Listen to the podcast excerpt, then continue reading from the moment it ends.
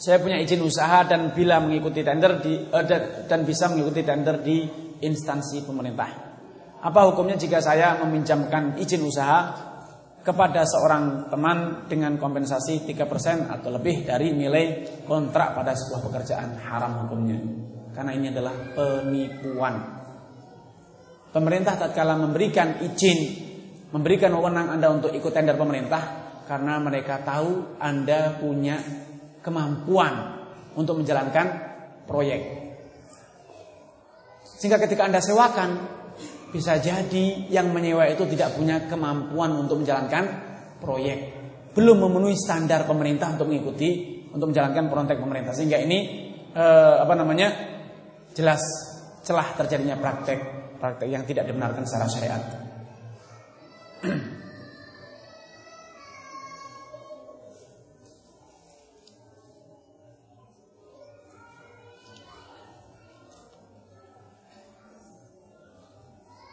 Saya pernah mendengar salah satu tokoh agama menyampaikan bahwa emas atau perak tidak boleh dihutangkan dengan alasan ini adalah riba. Mohon penjelasan tentang hal ini. Kalau dihutangkan boleh. Mas, saya pinjam gelangnya 110 gram, nanti saya akan kembalikan bulan depan 10 gram juga tanpa ada tambahannya. Maka ini boleh, utang piutang seperti itu boleh. Itu bukan jual beli, tapi utang piutang. Utang piutang boleh seperti kita utang uang sekarang. 10 juta boleh. Tapi kalau jual beli, saya beli emasnya dengan emas yang saya miliki, besok baru saya serahkan. Ini namanya riba, riba yang diharamkan karena tidak terjadi serah terima fisik. Kalau mengutangkan sekedar mengutangkan boleh. Asalkan tidak ada tambahan e, keuntungan.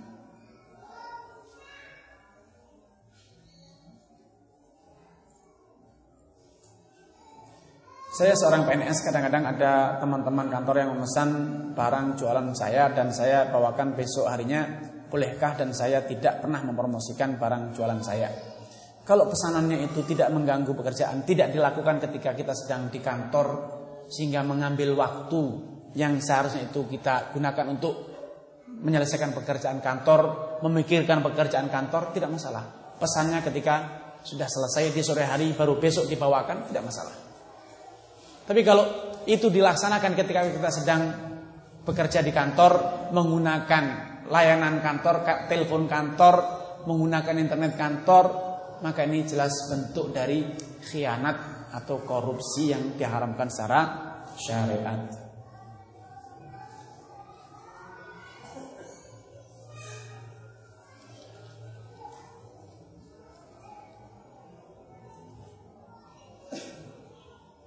Sekelompok orang melakukan arisan setiap bulan dilakukan undian atau lot. Bila si A mendapat uang arisan setelah diundi, maka si A berkewajiban mengumpulkan kelompok arisan tersebut dan diberi makan. Dan ini dilakukan secara rutin. Riba ini betul? Itu adalah riba. Karena arisan itu adalah akad utang menghutangi. Anda mengutangi saya, besok giliran saya yang akan membayar utangnya. Proses arisan 10 orang. Orang pertama akan mendapatkan utang dari 9 orang temannya. Dan besok dia akan mulai mencicil membayar ke orang kedua, ketiga, keempat dan seterusnya. Sehingga ketika orang pertama mendapat bagian, mendapat uh, undian, menang masing-masing 100 ribu sehingga dapat 1 juta, kemudian yang mengutangi tadi harus mendapatkan hidangan makanan. Ini adalah keuntungan Kenapa? Mengutangi 100 ribu akan kembali 100 ribu Tapi dapat makan malam. Dapat makan siang. Loh kan besok dia juga memberi makan juga? Iya makannya sama. Saya pastikan tidak akan sama. Di si A pertama Makanannya pelecing Tempe goreng, tahu goreng. Yang B uh, Udah dapat giliran dapat arisan makanya cuma plecing sama tempe tahu goreng. Ini lihat kalau saya makanya telur, sate, gulai, soto. Beda dong. Ini ini namanya riba. Tapi kalau mau apa namanya biar tidak tersumber riba, makanya sama standarnya baku.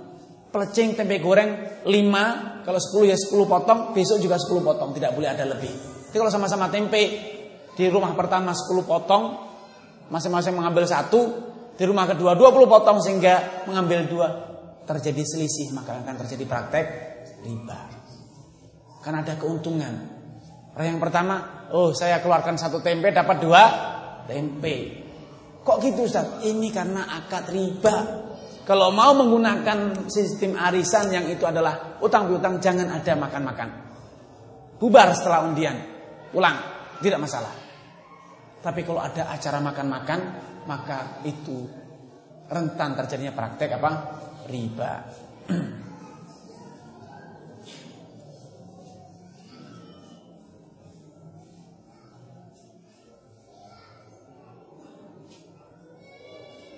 Saya punya hutang di bank dengan jaminan sawah. Pertanyaannya, bagaimana caranya biar bisa keluar di bank, biar jaminan tetap? Karena saya dapat uang sesuai dengan harga tanah yang saya jaminkan. Gampang sekali, dilunasi Pak. Saya jamin sawahnya kembali, utuh tidak dikurangi. Lunasi sekarang, sawah kembali tidak akan, sehingga jaminannya tetap tidak akan dijual oleh bank. Gampang sekali Pak. Lah kalau tidak punya uang untuk melunasi, ya sudah jual saja tanahnya, katakan pada bank, bank daripada saya harus bayar utang, tanahnya sudah buat kamu aja sudahlah. Kata mereka, saya bukan Bank Ahmad, tapi saya bank konvensional. Lalu bagaimana? Kalau Bank Ahmad boleh beli tanah, tapi kalau bank konvensional dosa besar beli. Tidak boleh. Bahkan kalau saya sampai berani membeli tanah ini, maka saya akan di dari atas turun itu bom waktu. Dari bank BI ditutup bank saya. Kenapa? Membeli barangnya nasabah. Lalu bagaimana? Ya dilelang. Datangkan pihak ketiga yang melelang tanah Anda. Nanti kalau syukur-syukur laku lebih ya ada sisanya. Kalau kurang ya Anda harus tetap menambahi. Namun siapa yang menjual? Pihak ketiga. Bukan bank konvensional. Andai utangnya ke Bank Ahmad, insya urusannya mudah. Tapi sayangnya utangnya bukan ke Bank Ahmad atau Bank Umar.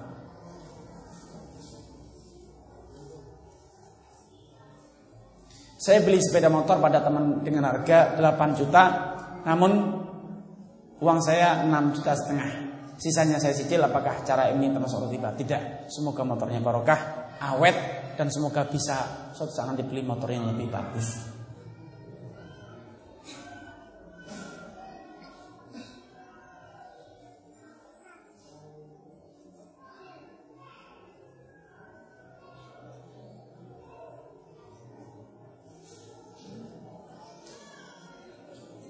Saya dikasih proyek tapi setelah proyek selesai saya berjanji akan mengasih uang berapa yang saya inginkan tidak ada perjanjian berapa rupiah yang akan diberikan tapi seikhlas saya sendiri apakah praktek ini termasuk riba.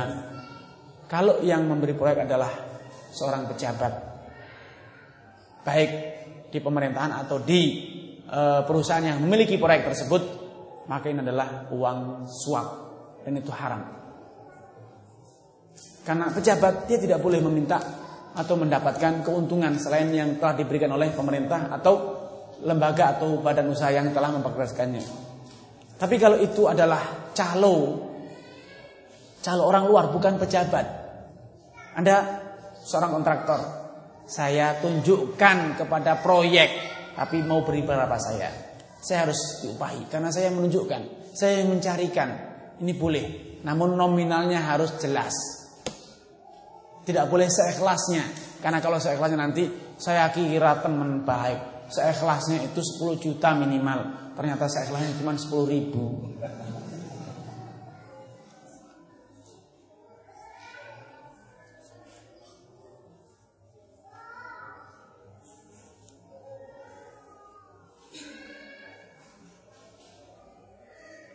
Bolehkah kita beli laptop 1 juta 500 tapi kita bayar 1 juta dulu Tiga hari kemudian kita lunasi karena kita sudah jual laptop itu seharga 2 juta. Boleh semoga barokah.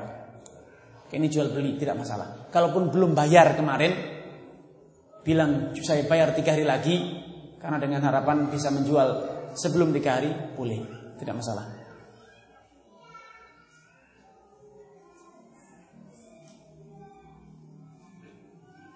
Anak punya sapi satu ekor dititip kepada seseorang dengan perjanjian kalau punya anak, anak pertama di, menjadi milik tukang angon. Kalau anak beranak lagi, yang kedua menjadi milik anak, anak ketiga jadi milik tukang angon, begitu seterusnya. Bolehkah atau riba? Ini salah satu uh, apa namanya bentuk kerjasama yang sebenarnya dibolehkan, namun perlu dibenahi dalam bentuk model pembagian keuntungan. Berapapun anaknya dibagi dua. Anak pertama yang dibagi dua dijual separuh untuk pemilik, separuh untuk yang angon. Tapi kalau anak pertama milik yang angon, yang kedua kalau tidak lahir, sapinya ternyata mati. Atau telat sekali, yang punya yang pertama baru setahun sudah lahir, yang kedua lima tahun tidak lahir-lahir. Bagaimana? Atau anak pertama kembar. Yang kedua hanya satu dan itu pun cacat. Bagaimana? Ini adalah gharar seperti ini. Jadi dibenahi sedikit saja akadnya.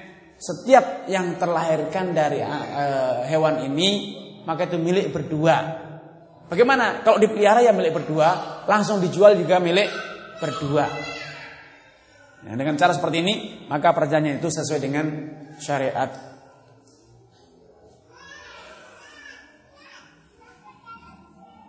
Mohon dijelaskan cara menghitung zakat dari barang dagangan dalam toko seperti sembako. Syukuran. Ya. Kalau ingin menghitung zakat perdagangan maka harus ada penilaian aset. Penilaian barang dagangan pada waktu telah jatuh tempo bayar zakat. Sekarang jatuh tempo, maka sekarang kita harus taksir. Semua kekayaan yang ada di eh, apa namanya di toko kita, barang yang diputarkan, barang yang diperjualbelikan, meja kursi tidak termasuk kalau itu tidak diperjualbelikan komputer tidak masuk, kendaraan tidak dihitung.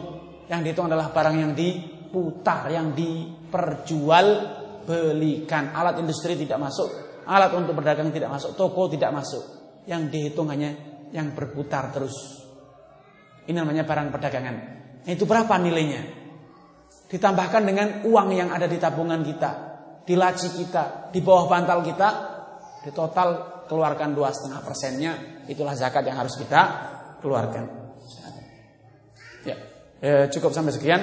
Masih terlalu banyak pertanyaan yang belum sempat ditanggapi. Semoga Allah Subhanahu Wa Taala memberikan kesempatan kita pada lain waktu untuk menanggapi pertanyaan-pertanyaan yang masih tersisa. Wassalamualaikum warahmatullahi wabarakatuh.